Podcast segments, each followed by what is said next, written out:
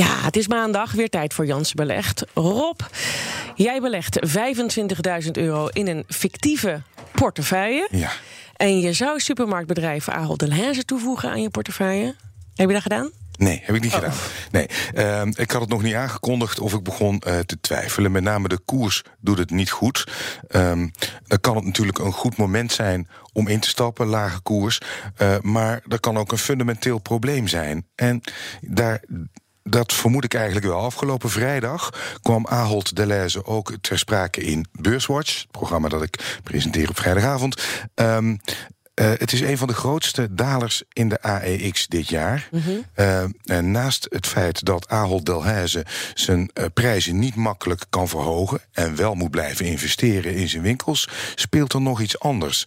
luister maar even naar Albert Jellema van Eén Vermogensbeheer. In de Verenigde Staten hebben meerdere analisten het er nu over dat het daar wel heel competitief is op dit moment. Um, dus ja, het is wel een, een, een, een bedrijf wat het structureel moeilijk gaat krijgen, want het is toch in Amerika wel een soort David tegen een aantal Goliaths.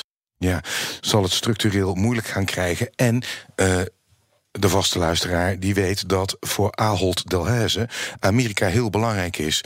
Uh, Zo'n 60% van de omzet en de winst komt daar vandaan. Mm -hmm. uh, dus als het daar ja, de groei niet makkelijk te realiseren is, ja. dan is het nog maar de vraag of op termijn ook die koers uh, zal aantrekken. Ja, heb je iets anders gekozen? Ik uh, ga vanmiddag uh, Microsoft uh, kopen. Dat is eigenlijk het omgekeerde. Dat is een heel duur aandeel. Mm -hmm. Dat zit al heel lang in de lift. 34 keer de winst.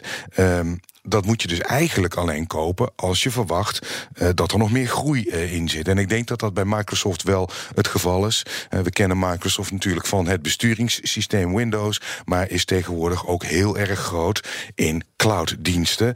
Um, en daar zit nog wel verdere groei in.